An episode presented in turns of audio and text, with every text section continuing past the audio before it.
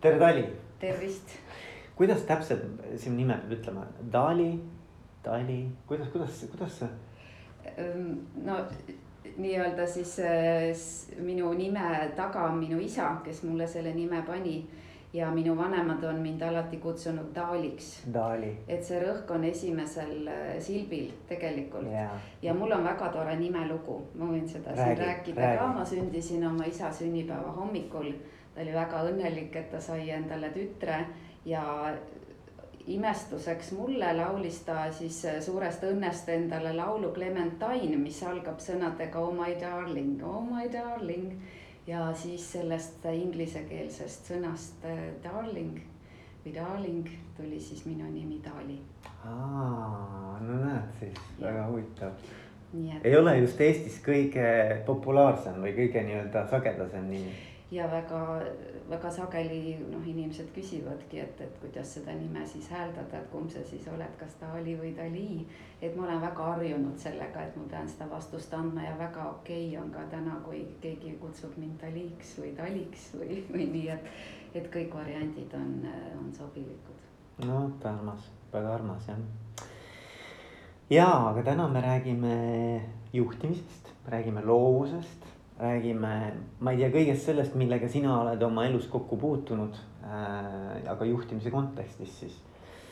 ja, ja kui sind sisse juhatada, siis minu jaoks need märksõnad ja noh, sa saad nüüd siis täiendada, eks ju mm. -hmm. et need märksõnad võib-olla olekski, et, et, et muusika. on ju muusika. ja veel kord muusika, eks ju. ja siis, siis on teraapia. muusikateraapia on ju. psühholoogia on ju, siis äh, coaching. on ju äh,, loovus. midagi veel, mis veel märksõnad, mis, mis on, mis sind veel iseloomustab? No muusikateraapiat sa mainisid, äh, lisaks äh, muusikateraapiale ma olen tegelikult õppinud ka kunstiteraapiat mõnda -hmm. aega mm -hmm. Tallinna Ülikoolis ja lisaks muusikateraapiale olen ma Rootsis õppinud ka muusikapsühholoogiat. ehk siis seda, kuidas muusika inimest mõjutab, äh, millised on need nüansid muusikast, mis võivad avaldada erinevat mõju kuidas inimene reageerib muusikale erinevas kontekstis ja, ja kõike palju muud, mida, mida muusikapsühholoogia valdkond siis ka, äh, siis ka nii-öelda käsitleb.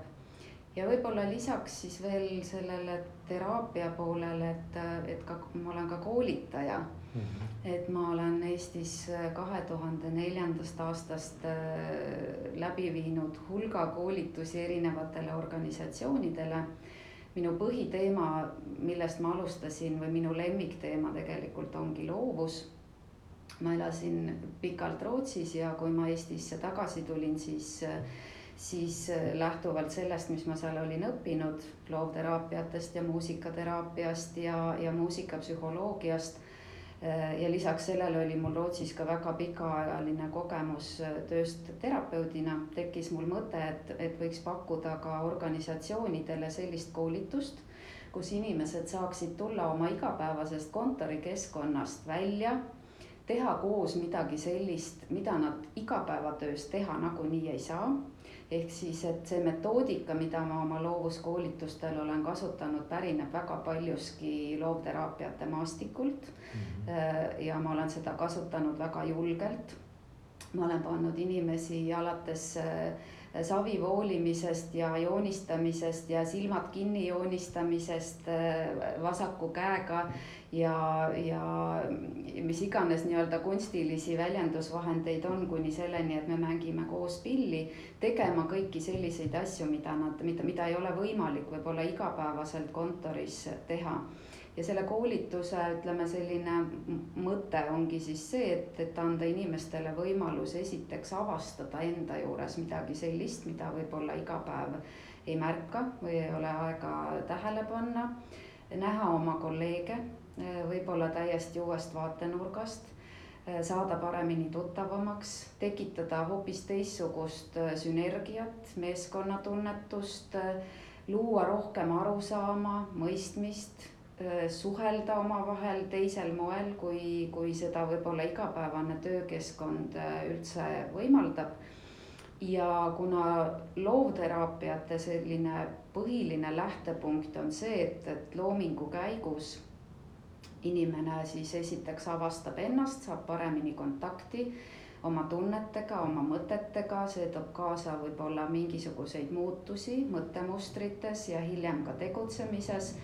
Ja, ja, ja, ja see põhiline lähtepunkt seal on siis see, et, et kui inimene midagi loob või osaleb sellises loomingulises tegevuses et siis selle hea tulemus on ka mõnes mõttes tervenemine, noh teraapiates sellega ju tegeletaksegi, et pakutakse võimalust äh, siis loomingulises situatsioonis tegeleda oma, oma probleemidega, oma igapäevaelus äh, ette tulevate raskustega ja, ja seeläbi siis mõtestada oma olukorda nii-öelda natukene teistmoodi, kui seda on võimalik teha ainult sõnades, eks ju mm,. väga kihvt jah ja, ma arvan, et noh, täna võiksimegi siis keskenduda nagu loovusele. ja, ja siis seda vaadata selles kontekstis just, et, et kuidas ta juhtimist toetab või et kuidas saaks loovust rohkem rakendada juhtimise vankri ette. et mis teeb loovus äh, nagu juhtimiskontekstis, et kas, kas noh, et nagu millisel moel ta avaldub ja mismoodi saaksid juhid veel paremini seda äh, seda loovuse väärtust nagu ära kasutada, et, et mulle meeldiks nagu selline vaatenurk sellele asjale. Mm. -hmm no võib-olla siis, kui me sellest vaatenurgast äh, hakkame seda loovuse teemat harutama, siis võib-olla mõistlik oleks ikkagi alustada sellest, et mis asi see loovus üldse on et selle kohta on palju erinevaid käsitlusi, erinevaid definitsioone, sõltuvalt siis äh, sellest konkreetsest äh, vaatenurgast. ja kui tulla nüüd võib-olla hästi konkreetselt, et tõmmata seda loovuse see nii-öelda mõistet siis võimalikult organisatsiooni või juhtimise lähedaseks siis hästi lihtsustatult öeldes võiks öelda seda, et loovus on ju tegelikult aegade algusest olnud selline inimlik joon, mis on aidanud või tänu millele inimene on üldse ellu jäänud ja toime tulnud, kui näiteks ümbritsevates olu või ümbritsevas olukorras midagi muutub, eks ju. Mhm. toimuvad mingid kiired muutused, ma ei ole selle olukorraga harjunud ja siis ma pean kuidagi toime tulema selles olukorras, eks ju, ehk siis, et mul on tegelikult vaja ideed mida ma teen teistmoodi mhm. selleks, et ma siis kohanen selles olukorras, selleks, et ma saan hakkama selles olukorras ja selles, et, et see olukord siis minu jaoks nii-öelda laheneks, eks ju. ehk siis, et tegelikult võiks öelda seda, et äh,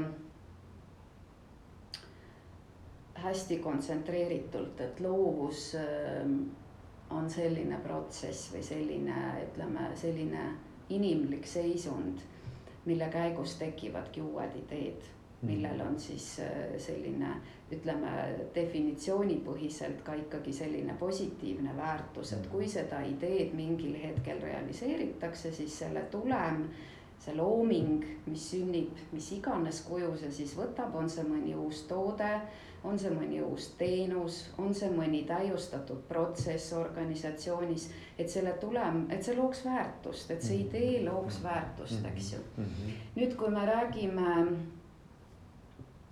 ideest, siis äh, idee mõistega kaasneb kohe üks teine mõiste ja see on probleem ma juba enne sissejuhatuseks ütlesin ka, et, et loovust on meil vaja selleks, et tulla toime erinevate olukordadega, kus meil tekib mingisugune probleem nii-öelda, eks ju. nüüd, kui probleemi mõistele läheneda natukene definitsioonipõhisemalt, siis mis asi probleem üldse on, eks ju, et, et ka siin on erinevaid võimalikke lähenemisi, et paljud ütlevad, et oo, probleem, see on võimalus ja see on üks viis, et probleemi näha, aga, aga probleem kui selline on tegelikult äh, teadvustatud ja tunnetatud vastuolu tegeliku ja soovitu vahel.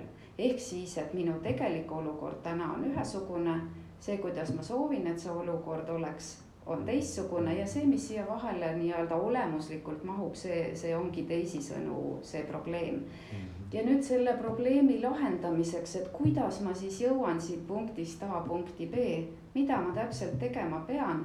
selleks ongi vaja loovust mm -hmm. ehk siis seda ideed, et ahaa, et äh, ma peaksin tegema niimoodi, eks ju, või et me peaksime sellele olukorrale lähenema sellisel moel näiteks organisatsioonis või, või oma meeskonnas, eks ju, kui meil tekib mingisugune kitsaskoht või, või.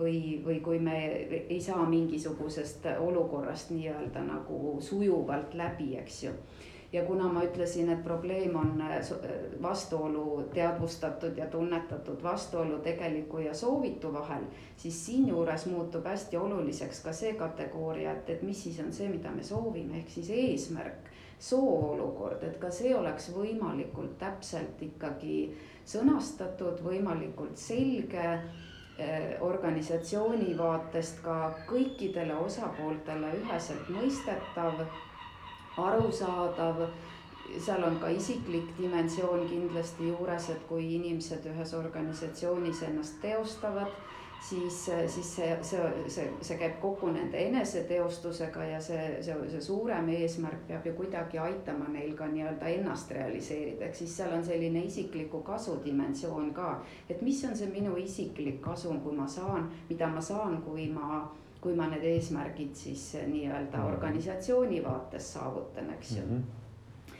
Nii et, et ütleme siis võib-olla veel kord äh, seda, kui, kui tulla tagasi loovuse mõiste juurde, et loovus on selline protsess, mille käigus tekivad uued ideed, millel on siis äh, selline positiivne mõju või, või positiivne väärtus ja kui tulla nüüd nii-öelda indiviidi tasandile, siis oma loovuskoolitustel ma ka väga sageli koolituse alguses küsin inimeste käest, et. Et mis te üldse mõtlete, mis märksõnad pähe tulevad, et kui te kuulete seda sõna loovus mm. -hmm. et siis noh, väga paljud ütleme, sellised tüüpilisemad on see raamist välja mõtlemine ja uued kombinatsioonid, uued mõttemustrid, assotsiatsioonid aga ka sellised märksõnad nagu vabadus, hea tunne, noh, ka ideed pakutakse välja, mängulusti, rõõmu, eks ju.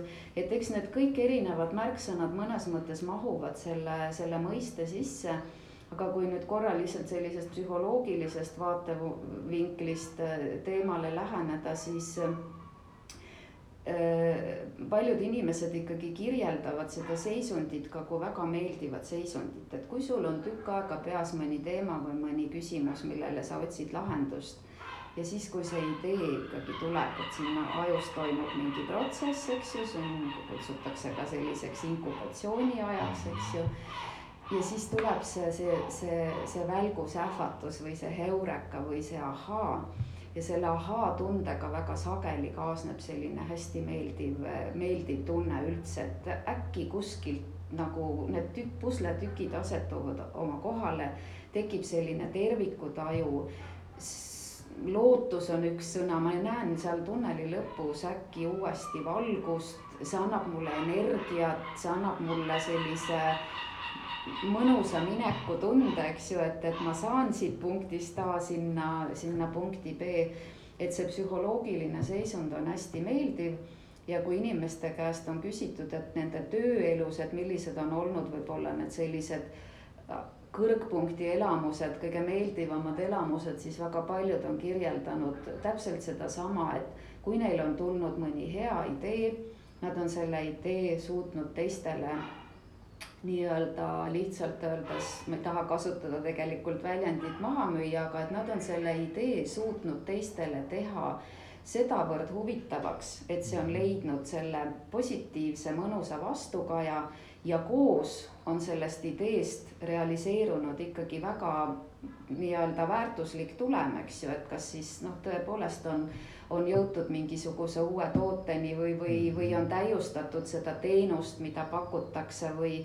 või, või vastupidi, või, või on tulnud veel hoopis midagi sellist enneolematut, mida mitte kunagi varem mitte keegi ei ole teinud, eks ju, või, või loonud.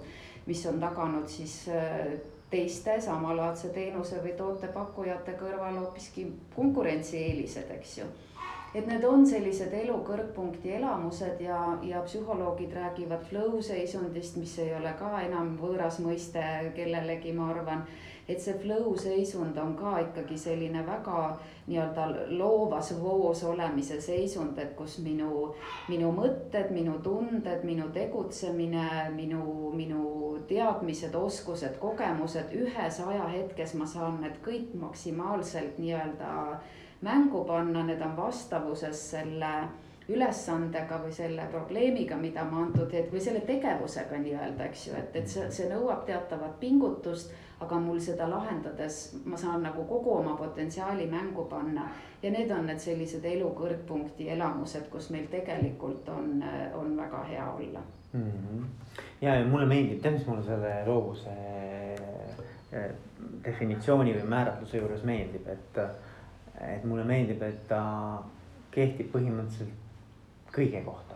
selles mõttes, et ta on väga praktiline, et, et nagu, et mulle näiteks juhid öelnud, et ega, ega meid vaja ei oleks, kui probleeme ei oleks, vaata. et nagu selle, selles mõttes nagu, et nagu, et juhtimine tegelebki mingis mõttes nagu ainult probleemide lahendamisega. ehk et, ehk et tegelikkuses kogu aeg kasutame oma loovust. aga me ei lihtsalt võib-olla ei mõtle niimoodi sellest või me ei oska seda niimoodi nagu käsitleda. jah kõik inimesed tegelevad ju tegelikult igapäevaselt mingisuguste probleemide lahendamisega. mis iganes eluvaldkonda me vaatame, on need advokaadid või arhitektid või või teadusvaldkond, kus ju tegelikult nii-öelda püstitataksegi probleeme ja otsitakse neile lahendusi. tihti need protsessid on ju väga pikaajalised, enne kui see lahendus tuleb. no täna mul on võib-olla kõige lähem näide võtta meie siit koroona ajast, eks ju, täna ma arvan, et maailma teadlased ragistavad ajusid hullupööra, et leiutada või leida see vaktsiin, mis, mis tooks leevendust selle, selle viiruse vastu. et ja see, see, see mõiste või, või loovus kui, kui omadus, kui fenomen, see puudutab absoluutselt ja, kõiki ja. inimesi, et, et mis iganes eluvaldkonnas me tegutseme või siis on see meie isiklik elu või siis on see see võimalus kus ma saan ennast laadida, eks ju, kui me räägime võib-olla eneseväljendusest mingisuguses kunstilises perspektiivis eh, hoopiski. Mm. nii et, et tegelikult on see selline lai mõiste, aga kõikide jaoks hästi oluline varu. hästi, hästi, hästi nagu mulle meeldib just see, et, et kui, kui muidu tundub, et noh, et loovus, et noh, et see on sihuke noh, sihuke natuke esoteeriline või natuke kuidagi kauge või sihuke abstraktne, mis mõttes see võiks üldse kuidagi nagu äriga nagu. noh, mitte nii keegi päriselt ei mõtle, aga, aga noh, et ikkagi nagu see äri on ikka ratsionaalne, see on ikka nagu konkreetne, sihukene kandiline asi, eks ju. ja noh, loovus on midagi sihukest nagu ümmargust ja natuke sihukest käega katsutamatut ja noh, sihuke nagu abstraktsem maailm, eks ju, aga noh, tegelikkuses need ongi nagu, need on väga nagu. seal ühisosa on väga suur, eks ju. absoluutselt, jah sest noh, ütleme niimoodi, et kui aju tasandilt läheneda, siis äh, see, see protsess, et kas, kas ma genereerin ideed või siis, et ma loon kaunist kunsti. et need mehhanismid ajus toimivad tegelikult või toimuvad need impulsid, kust, kust see uus idee siis tuleb või, või kust kunstnikul tekib ühel hetkel võib-olla see inspiratsioon seal töö käigus ja ta loob erakordselt kauni kunstiteose et siis see, see osa ajus on ju kõikidel inimestel üks ja sama, vahet pole, milline on siis see nii-öelda see, see väljund jah, just mm. nimelt või see tegevus, milleks meil täpselt seda, seda loovust äh, ja selle loo, nii-öelda loov, loovuse avaldumist äh, vaja on mm. -hmm ja kui nüüd võrrelda loovust ja innovatsiooni, kuna me täna oleme ikkagi nii-öelda nagu ettevõtlusmaastikud siin kompimas äh, selle teemaga, siis kui ma mainisin, et loovus on võib-olla selline individuaalsem protsess, eks ju, siis äh, innovatsioon on, äh, on ikkagi rohkem selline kollektiivne protsess, kus erinevate inimeste loovuse tulemusel siis nii-öelda see, et, et, et, et mõeldakse midagi koos välja, tekivad ideed. erinevatel inimestel neid ideid analüüsitakse ikkagi konkreetses raamistikus, kontekstis, konkreetse eesmärgi, soovitud eesmärgi foonil hinnatakse neid, hinnatakse erinevaid riske, näiteks, et kui me seda ideed hakkame realiseerima, millised on siis nii-öelda need võimalused, millised on võimalikud takistused, mis on paremad ideed, mis on efektiivsemad ideed ja nii edasi. ehk siis, et sõelutakse sealt välja ikkagi võib-olla see, see optimum, mis viib meid soovitud tulemuseni edasi ja nüüd me koos ühes organisatsioonis, inimesed tulevadki ju kokku selleks, et, et siis nii-öelda teostada neid mm. ideid, eks ju mm. -hmm. ehk siis, et innovatsiooni taga on rohkem inimesi kui, kui üks inimene mm. tavaliselt mm. -hmm. aga kui siin rääkida suurtest leiutajatest, kelle, kes on paradigmat muutnud aastasadade jooksul, eks ju siis, siis alati ei pruugi olla nii, et on palju inimesi, eks ju, et, et vahel piisab ühest äh, väga suurest ajust noh, rääkides näiteks Leonardo da Vinci'st, kellel olid olemas visandid helikopterist ja autost ja, ja kõigest mm, sellest, mm. aga lihtsalt maailm, teda ümbritsev aeg ei olnud veel valmis pakkumaks nii-öelda neid võimalikke detaile, et autot kokku panna, eks ju. Mm, et ähm, ja noh, kui, kui rääkida ideedest kui sellisest, siis siin on ka võimalik natuke kategoriseerida, et et räägitakse näiteks Maslow on rääkinud või käsitlenud oma, oma teostes äh, siis äh, ka loovust nii-öelda lahterdades siis loovust selliseks primaarseks loovuseks. ja see tähendab siis seda, et primaarse loovuse tulemusena sünnibki selline idee, mis tuleb kellegi alateadvusest, see on täiesti unikaalne, nii-öelda ühe inimese alateadvusest, eks ju, see on täiesti unikaalne, kordumatu. selle tulemusel maailm muutub, see on midagi, mida enne ei ole olnud, eks ju ja siis on sellised sekundaarsed, no võib-olla toon primaarse eh, sellise loovuse näiteks, siis no näiteks Polaroid kaamera on selline üks mm. näide, eks ju, et, et kohe on võimalik see pilt sealt kätte mhm. saada mm. -hmm. ma arvan, et 3D printer on üks selline okay, ka noh okay., mis ikkagi muudab nagu, nagu ütleme siis jah, toimub selline paradigma muutus, eks ju, et, et varem pole midagi sellist eksisteerinud, nüüd luuakse midagi sellist ja siis on Maslow käsitluse järgi veel ka sekundaarne loovus. ja see on siis selline loomeprotsess, mille käigus täiustatakse olemasolevat ja ma arvan, et enamus organisatsioonides igapäevaselt sellega ikkagi tegeletakse mm, -hmm. et me pakume seda teenust, aga me mõtleme selle peale, et kuidas me saame teha seda efektiivsemaks, paremaks, kvaliteetsemaks mm, huvitavamaks, mis mhm, iganes need mhm. märksõnad siis sinna, sinna juurde tulevad ja, ja noh, võib-olla autotööstus on üks selline näide, et me kõik saame aru, et tegemist on autoga. see on konkreetne mudel, järgmisel aastal tuleb uus mudel ja teda on pisut ümber tuunitud, eks ju, tuled on mhm. pandud natukene teistmoodi vilkuma ja mis iganes, nii et et, et jah, et need ideed võivad olla midagi täiesti enneolematut, revolutsioonilist, maailma muutvat ja võivad olla ka sellised, mis siis nii-öelda aitavad, aitavad seda olemasolevat äh, paremaks täiustada, täiustada jah. mulle tuleb meelde veel üks, et ma ei tea, kuhu see võiks nagu see idee kategoriseeruda, aga mulle tuleb meelde, et ähm, Steve Jobs, vaata ta tegi, mitte tema, aga noh, ütleme Apple tegi selle puutetundlikkusega mobiiltelefonid, eks ole mm. -hmm. et seda puutetundlikkust oli küll varem, noh, see ei ole nende tehnoloogia välja mõeldud, et see oli olemas. aga see, et nad seda rakendasid, vot just nimelt nagu mobiiltelefonidel ja nii hästi, eks ole et see oli nagu esmakordne ehk et, et jällegi nagu, et, et noh, et sellist nagu klahvi telefonist sa lähed nagu puutetundliku telefoni. et see on noh, see on seal kuskil, ma ütleks nagu pigem ikka nagu see ei ole nagu enam täiustamine, see on ikka juba nagu mingi siukene revolutsiooniline muutus ja. ikkagi. jah, on küll jah, just ja noh, ma just täna hommikul mõtlesin, et tegelikult see aeg, millesse kogu maailm sattus nüüd sellel kevadel mm. -hmm. et kui ma siin päris oma jutu alguses ütlesin, et loovus aitab meil erinevate olukordadega paremini toime tulla.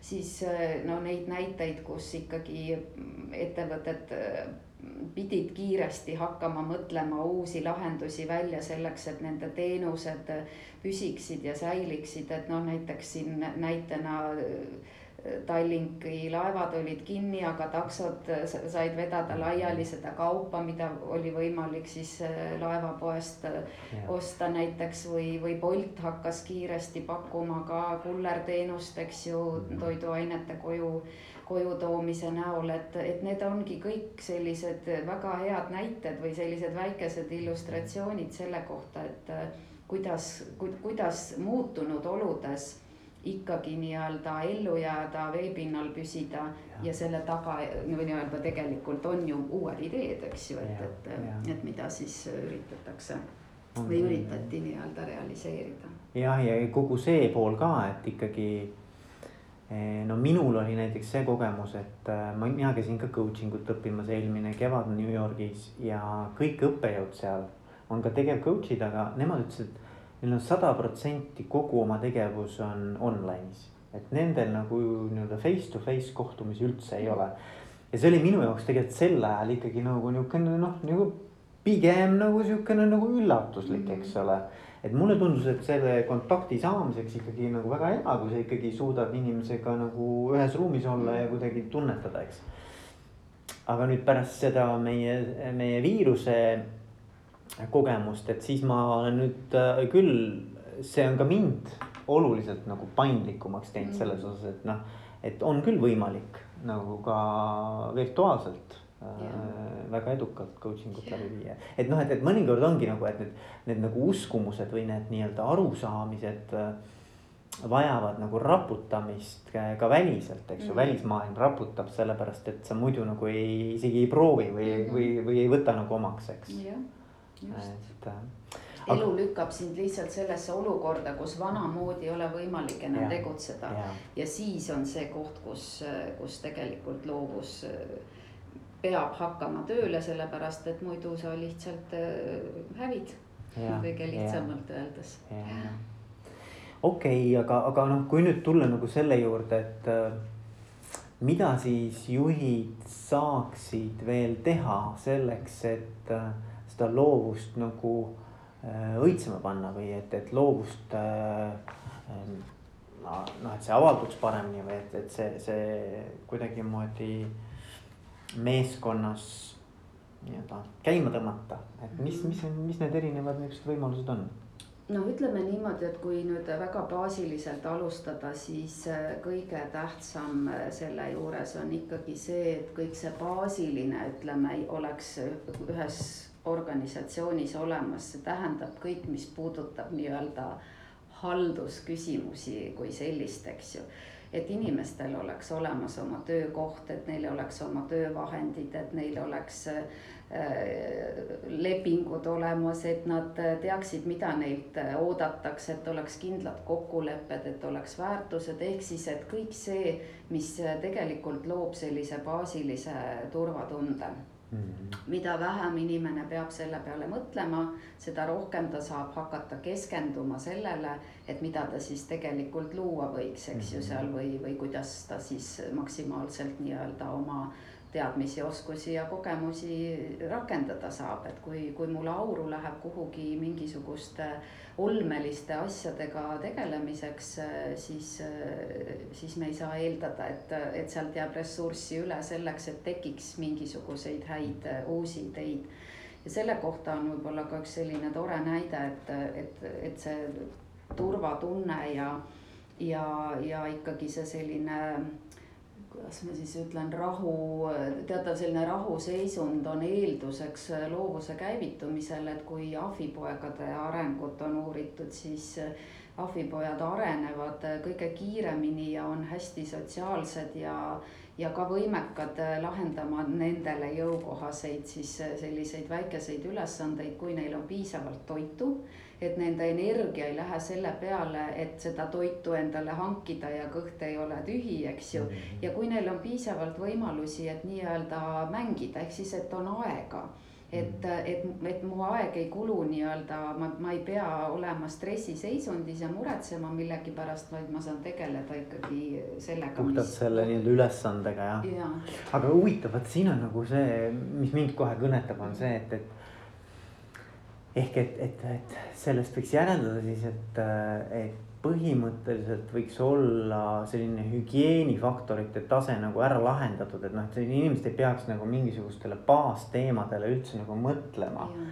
ja teine teema, et, et, et kas siis, kas siis nagu tähtajad või sellised nii-öelda nagu mingisugused stressi tekitavad siuksed äh, pingestavad äh, deadline'id, et kas, kas need siis pigem nagu toetavad või pigem nagu pärsivad loovust? no sõltub, et äh, tegelikult ikkagi deadline on hea, et äh, muidu noh, ütleme organisatsioonis ma arvan, et ei olegi üldse võimalik, kui sul ei ole konkreetseid tähtaegu. sellepärast, et organisatsioonis tegeletakse erinevate protsessidega, eks ju.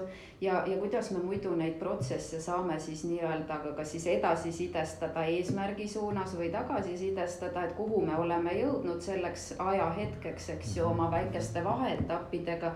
et selleks meil peab see ajaraam ikkagi väga kindlalt paigas olema ja, ja ka mul üks hea tuttav helilooja ütles, et kui ta kirjutab uut teost, eks ju, et kui tal tähtaega ei ole, siis noh, siis see on natuke selline, et saab edasi lükata ja võib-olla homme on parem päev ja, ja, ja nii edasi et tegelikult ma arvan, et selline aja, aja. pigem on, pigem nagu on no, hea. absoluutselt mm -hmm, ja mm, -hmm. et, et selline lõputu vabaolek või, või selline vabadus, et, et vabadus on kindlasti nii-öelda loovuse eeldus aga vabaduse eeldus omakorda on väga kindel kord mm. ja sellepärast ma sellest ka alustasin, et kõik see, mis puudutab korda ühes organisatsioonis, eks ju, tõesti alates äh, omavahelistest kokkulepetest kuni materiaalsete nii-öelda vahendite olemasoluni, eks ju, et mida kindlamalt see on tagatud, seda suurem nii-öelda võimalus on inimesel keskenduda ikkagi siis äh, äh nii-öelda sellele oma protsessile, mida ta sinna on tulnud tegema. see on natuke nagu lapsega, et vaata, et nagu piirid peab paigas olema, aga vabadus on selle piiride sees. ja no siin on ju muusikast väga hea näide, et ega siis, kui üks orkester tuleb lavale kokku, iga pillimees ei hakka oma lugu mm. mängima. ei ja, saa soolot mängida. ei saa mängida ka soolot ja, ja viioli, viiulimängija ei, ei saa mängida kontrabassipartiid, et igalühel on oma kindel roll ta on ette valmistunud, ta on õppinud seda, ta on harjutanud, ta noh, needsamad teadmised, oskused, kogemused, siis me tuleme lavale kokku, teeme proovi hästi palju koos selleks, et tekiks see sünergia, ühine arusaam, dirigent annab kätte selle suuna, me mängime ühte ja sama lugu, täpselt sama, sama mehhanism toimib ju tegelikult ka ühes organisatsioonis nüüd ütleme, et kui see baasiline on tagatud, siis järgmine kindlasti oluline on, on see selline psühhosotsiaalne eh, mikrokliima, mis, mis ühes organisatsioonis on, et kui usalduslikud on omavahelised suhted kui palju inimesed tunnevad, et neid kaasatakse erinevatesse otsustusprotsessidesse, eks ju. kui mind on kaasatud, kui ma saan otsustada, siis sellega kaasneb automaatselt ka va nii-öelda vastutus, eks ju. ja kui ma saan ise vastutada ja ma tunnen ennast vaimselt vabalt selles, siis ma saan ka olla, sealt tuleb see loovus, eks ju, et ma saan ise, ise mõelda välja neid lahenduskäike kuidas oma tööprotsessi tõhustada, täiustada, efektiivsemaks muuta et, et ütleme siis kõik, mis tagab sellise inimeste sellise hea, turvalise, mõnusa olemise ja ka ikkagi siis sellise võimalikult stressivaba olemise, et on selline töö ja puhkeaja tasakaal ja, ja on võimalus hästi intensiivselt pingutada, võib-olla keskenduda millelegi, aga siis on võimalus võtta ka natukene aega ja võib-olla järele mõelda ja, ja reflekteerida kuni selle keskkonnani välja, kus inimesed viibivad, et milline see keskkond välja näeb, et minu meelest tänapäeval organisatsioonid ikkagi pööravad sellele puhtfüüsilisele keskkonnale õnneks ka väga palju tähelepanu ja on nii ägedaid äh, kontoreid, kus ongi sellised spetsiaalsed äh, mängualad näiteks, et just kui ma ütlen, et seda tasakaalu, et ma lähen ja mõtlen intensiivselt võib-olla oma tööülesannetele või või tegelen oma projektiga ja siis ma saan korraks minna ja teha midagi muud, ehk siis tulla sellest mustrist välja. et ka see aitab kaasa ikkagi siis äh, sellele nii-öelda loovuse, loovuse vabanemisele või vallandumisele, eks ju, et, et see on selline balansi otsimine või balansi loomine kogu aeg, et on pingutus, on puhkus, pingutus, puhkus. Ja ajuteadlased äh, ja loovuse uurijad väidavad ikkagi hästi seda, et tegelikult need keskused ajus, kust need loovad impulsid käivituvad, et need, need kõige paremini käivituvad rahuseisundis, et kui ma, kui minu aju on rahulik siis aju läheb alfalainete peale ja alfalainete mõjul hakkab hästi tööle meie ajus selline osa, mida nimetatakse limbiliseks süsteemiks.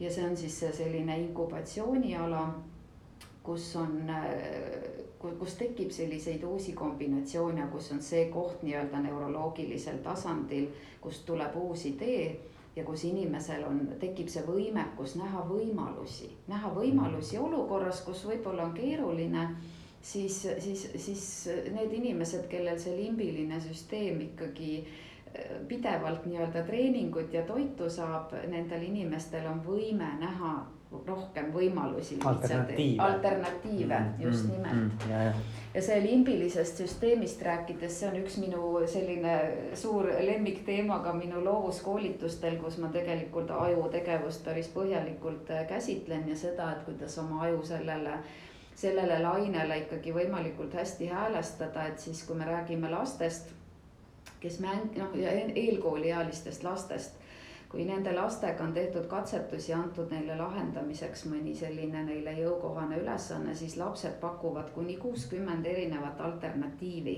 kuidas seda ülesannet on, oleks võimalik lahendada. nüüd, kui me anname ühele täiskasvanule siis nii-öelda jõukohase ülesande või natuke keerukama ülesande, siis seda kuutekümmet alternatiivi tavaliselt ei tule, et et, et, et, et see võimaluste nägemise võime või see alternatiivide rohkus ikkagi ühel hetkel väheneb. ja see, tänu millele lastel see limbiline süsteem hästi aktiivselt töötab, on see, et lapsed mängivad hästi palju, eks ju, nende fantaasia on hästi rikkalik, kui lapsel ei ole olemas rekvisiite mänguks, siis, siis ta loob endale, võtab ühe tooli, keerab selle teistpidi, teeb endale onni või ronib sinna peale või alla või mhm. kõik võimalused on olemas, eks ju. et ta justkui ei jää nagu nende välismaailmas olevate asjade nii-öelda funktsiooni taha kinni, eks ju. -hmm no nüüd me täiskasvanutena kasutame tooli istumiseks või vahel on vaja kuskilt kapist ülevalt midagi alla tuua, siis ronime sinna peale ja võib-olla ega rohkem ei tulegi pähe, milleks seda kasutada saab. ehk siis, et maailm saab meile tuttavamaks, selgemaks, meil tekivad ikkagi sellised väljakujunenud mõttemustrid, kus neid, see alternatiivide rohkus tegelikult äh, hakkab vähenema mm. -hmm et noh, küsimus ongi see, et kuidas me seda täiskasvanuna seda, seda limbilist süsteemi siis saame turgutada ja virgutada, et ta, et ta meil ka hästi aktiivselt äh, niimoodi töine oleks mhm. ja suudaks siis äh, näha võimalikult palju võimalusi äh, ka välises keskkonnas ja siin võib-olla üheks selliseks soovituseks äh, on see, et, et kõik, mis seondub täiskasvanu inimes, täiskasvanutel hobidega, siis hobilised tegevused, eks ju, on näiteks sellised, mis aitavad, aitavad siis neid mõtteprotsesse sageli natukene vaigistada, maha võtta ka füüsiline tegevus, ma võin minna jooksma või ujuma või, või jalutama või, või mis iganes, et ka käivituvad siis natuke niisugused teistsugused keskused ajus, kui, kui need, mis siis on need analüütilised, ratsionaalsed äh, mõtteoperatsioonid ja kus need tegelikult need mõttemustrid ka võib-olla teinekord suhteliselt mhm. jäigalt äh, juba paigas on. et soovitan kõikidel vähemalt kord nädalas, vähemalt tund aega tegeleda millegagi mis oleks nii-öelda selline, mis annab head energiat ja laeb ja mille suhtes on huvi ja, ja, ja mis ikkagi klassifitseerub võib-olla sinna hobilise või mm, -hmm. või sportliku liikumisega eh, seotud tegevuse alla. Ja teine, millega seda limbilist süsteemi ikkagi ka hästi nagu käivitada ja inspireerida ja mõjutada saab, on humanitaarvaldkond ja kaunid kunstid, muusika kuulamine heade filmide vaatamine, näituse külastamine ehk siis kellegi loomingust osa saamine, esteetika nautimine ja nii edasi. et see, selle tulem on see, et, et tekivad selles osas ajus võimalikud uued kombinatsioonid ja siis ühel hetkel tuleb see hea idee ja see muudab minu mõttemustrit, ma saan võib-olla tegutseda natukene teistmoodi ja, ja luua siis kas iseendale või, või oma organisatsioonile või meeskonnale selle tegutsemise läbi siis äh, lisaväärtust. ja, ja mul tuleb kohe meelde, et, et on see üks sihuke isiksuse omadus või tunnus äh, nagu avatus uuele kogemusele või avatus kogemustele on ja, see nagu kõlab ka mulle sarnaselt, et noh, et, et, et äh, kui sa oled nagu uudishimulik ja sul on huvi mingisuguste selliste erinevate valdkondade vastu. et ilmselt sealt võib ka tekkida seda nii-öelda seda loovuse, noh, et ta tõmbab ka seda käima nagu seda limbirist süsteemi, eks ole no avatus kui märksõna üldse, et, et ka, ka kui me siin ideedest oleme juba päris pikalt rääkinud, et avatus ideedele mm. -hmm. et ka noh, ütleme, et see, kuidas ideid käsitletakse, et kui kellelgi tuleb meeskonnas mõni uus idee, et, et eks see oma idee on ikkagi endale väga armas mm. -hmm et oleks seda julgust, et minna ja teistele seda tutvustada, eks ju, sellepärast ongi oluline see, et, et milline on see meie grupi dünaamika, kui palju usaldust mul siin grupis on. kas ma saan minna kõigile kõva häälega öelda, et teate, mul tuli omast arust geniaalne idee, et keegi ei mõista mind hukka või ei naeruväärista või ei ütle esimese hooga kohe, et kuule seda me nagunii tegema ei hakka või seda ei ole võimalik teostada, vaid et on selline avatus uutele ideedele ja see on, ma arvan, juhtidel ikkagi päris suur ja selline oluline ülesanne, et, et mhm. tagada see selline keskkond ja olla ise ka avatud et kui võib-olla ongi ka generatsioonide erinevus, eks ju, et, et juht on äkki natukene siis ma ei tea, keskeas ja, ja. ja, ja ei ole vastuvõtlik uutele noorte inimeste ideedele, et siis, siis ei saa ka eeldada seda, et, et selles organisatsioonis toimuks mingisugune areng või mingisugused muutused. et ideede suhtes peab säilima alati empaatia, need peavad olema kuuldud, neid tuleb loomulikult läbi arutada analüüsida konstruktiivsel moel, faktipõhiselt, eesmärgi foonil mm. -hmm. et kas see on realistlik, kas seda meil on vaja, mis on selle tulem võib-olla veelgi pikemas perspektiivis, eks ju mm. -hmm et, et see tekitab inimestes selle tunde ka, et, et jah, ma võin julgelt mõelda, ma võin julgelt oma mõtteid ja ideid välja, välja öelda ja, ja kui need ei realiseeru täna, siis, siis, siis võib-olla need jäävad kuhugi siia sellesse ruumi ikkagi alles mm. -hmm. et, et me saame nendega tegeleda siis võib-olla hiljem, eks ju. nii et ütleme, selline turvatunne, tasakaal ja, ja harmoonia mitte väga palju stressi, aga piisavalt väljakutseid, inimestel ei tohi ka igav olla. et neil peab olema võimalusi ka organisatsioonisiseselt ikkagi äh, pingutada piisavalt mm. -hmm. Ennast oma, oma siis kogu seda potentsiaali võimalikult palju, äh, palju mängu panna.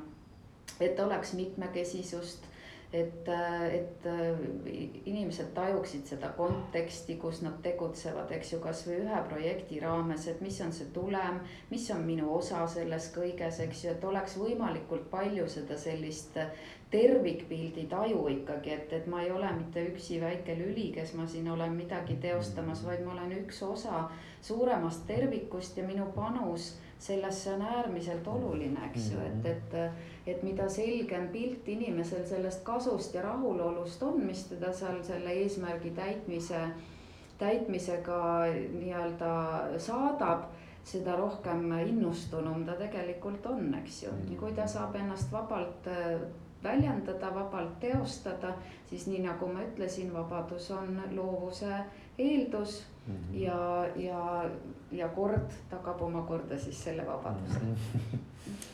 ja ei, mulle, mulle tekkis see mõte, et, et, et kuidas on eduelamused seotud loovusega või et noh, et, nagu vaata, et siuksed nagu väiksed võidud või selline pigem pidev nagu tunnetus, et me vaikselt liigume õiges suunas, vaata sihuke progressi tunnetus, et et, ähm, et inimesed vaata tahavad nagu tunda eduelamusi. absoluutselt. et ma arvan, et see on nagu ka mingi sihuke kütus nagu sellele loovusele, ma arvan, et kui tekib nagu mingi sihuke, et oh, et see idee läks käima, vaata. ja no see on kindlasti üks väga võimas mootor, et kui kui, kui ka kas kellegi poolt loodud idee või meie ideed kokku hakkavad võtma mingit tulemit, et ma arvan, et see on, on väga innustav ja mm, -hmm. ja väga rõõmustav aga ka tunnustamine, eks ju, et, mhm. et kui nüüd keegi tuleb oma, oma hea ideega ja, ja, või, või siis meeskondlikult, et tähistada neid väikeseid võite, et mhm. kui see progress ikkagi toimub, et, et see on ka väga võimsaks selliseks motivaatoriks. ja, ja ma kujutan ette, et see võiks olla sihuke noh, sihuke hästi-hästi sihukene positiivne sellisele õhkkonna nagu toetav, loovust toetava õhkkonna nagu alus on ju ja mida rohkem on selliseid vahvaid arutelusid ja kokkupuutepunkte, nii-öelda sellist äh, kommunikatsiooni ja info vahetamist ja, ja, ja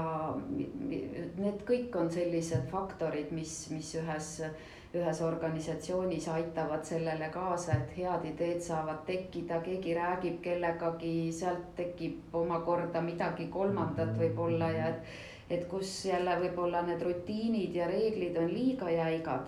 Et noh, kord peab olema jah, aga, aga, aga selle sees peab olema ikkagi see vabadus, et, et kui on nüüd ikkagi väga rutiinipõhine, siis see võib olla ka väga loovust pärssiv, et see ei ma arvan, et seal ka väga sellised nutikad tüübid ei tahagi väga sellises, sellises jäigas organisatsioonis olla ja ma ei tea, kui palju neid täna ongi, ma arvan, et need suunad pigem kõik on ikkagi sellisele paindlikkusele, avatusele, edasiliikumisele, arengule, innovatsioonile.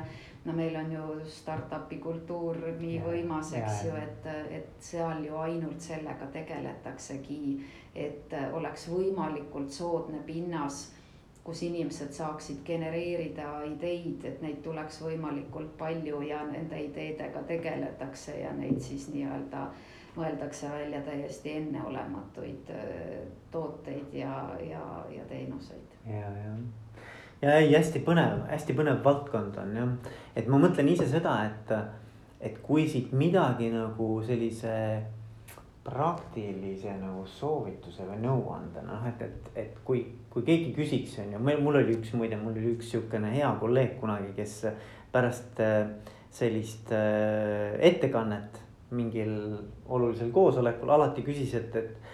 et aga ütle üks-kaks asja, et äh, mida ma siit kaasa peaksin võtma, et siis nagu, et kui sinu käest ka küsida, et, et, et, et mis võiks olla nagu, et mida juhid võiksid nagu sihukest soovitust või nõuannet, et mida nad võiksid siit kaasa võtta? kui noh, kõike ei saa, eks ju, aga no midagi, mis nagu neile kõrva taha võiks jääda. võib-olla individuaalses plaanis, see puudutab kõiki inimesi, siis äh, ma kuulasin kunagi, kui ma Rootsis elasin, seal antakse igal aastal välja Nobeli preemiat, kus on erinevate valdkondade ikkagi tipp tegijad, eks ju, tippteadlased, igaüks omast valdkonnast. loonud midagi enneolematut, eks ju. ja siis nendega on palju toredaid intervjuusid ja ma juhtusin ühte nende sel-, selle konkreetse aasta nominentide arutelu kuulama ja siis selle arutelu lõpus oli nendele ka selline soovit- või küsimus õigupoolest, et mida te siis televaatajale soovitate, et kuidas oma loovust hoida erksana et olla ise looval lainel ja siis oli seal pikk arutelu ja see ja jõuti siis lõpuks konsensusele ja, ja see soovitus oli see, et äh, iga inimene võiks regulaarselt lugeda ka ilukirjandust. Mm.. ja mis juhtub meiega, kui me loeme head romaani, siis juhtub see, et meie kujutlusvõime tegelikult käivitub, et me näeme neid sündmusi, seda süžeed, neid tegelasi tegelikult oma, oma seal kujutlus, sisemises kujutluspildis ja ma arvan, et kujutlusvõime elus, kujutlusvõime, et, et visualiseerida tulevikku, kuhu ma tahan oma meeskonnaga jõuda, kus võiks see meie organisatsioon olla viie aasta pärast või kümne aasta pärast. et see kujutlusvõime nii individuaalsel tasandil, kus ma ise tahan olla viie aasta pärast, et mida rohkem mul see töötab seda, seda tõenäolisem on, et ma sinna suunas ka liikuda saan ja ilukirjanduse lugemine lihtsalt võib-olla üks soovitus siit, eks ju täna. et, et kui vähegi võimalik on ja aega on, siis, siis võiks igaüks treenida natukene oma kujutlusvõimet ja juhtidele võib-olla ikkagi siis ka selline. ma arvan, et juhi peamine ülesanne on ikkagi see sellise mõnusa keskkonna loomine. Et, et kus, kus inimesed tunneksid ennast hästi, kuhu nad tahaksid rõõmuga tulla, kus on kõik need eelpool nimetatud erinevad olulised karakteristikud või, või, või tegurid, tegurid olemas et juhi võimekus äh, märgata oma inimesi, juhi võimekus kuulata oma inimesi, tunnustada neid, et, et mhm. need on võib-olla kõik sellised väga elementaarsed, aga igapäevaelus vahel lähevad meelest ära. Äh, aga, aga loovuse koha pealt äh, kindlasti loovust väga soosivad, soosivad tegurid mm. -hmm. mul tuli selle ilukirjandusega meelde unistamine vaata, et noh, et, et nagu, et seda öeldakse ka, et me peaks unistama rohkem, eks ju. et ma arvan, ilukirjandus aitab ka unistada või noh, kuidagi viib sellisesse muinasjutumaailma natuke, noh, mitte alati nagu muinasjutt isegi, ma ütleks, et seal on ka siukseid realistlikke elemente, aga aga et just, et nagu, et kuidagimoodi mulle tundub selline unistamine on viis, kuidas äh, oma seniseid äh, võib-olla uskumusi, tõekspidamisi nagu kuidagi natukene neid piire nagu laiendada või seda nagu seda. absoluutselt. noh, et, et sul nagu maailm läheb laiemaks või suuremaks või avaramaks vaata. unistused peavad olema, unistustega kaasneb ka lootus ja see on selline väga mõnus tunne, hea perspektiivi tunne ja, ja kui lootust on, siis on võimalik äh, igast keerulisest olukorrast äh, tegelikult välja tulla. kuule, see on super koht, kus tõmmata otsad kokku. aitäh sulle, Dali. kuule, tänud sulle ka.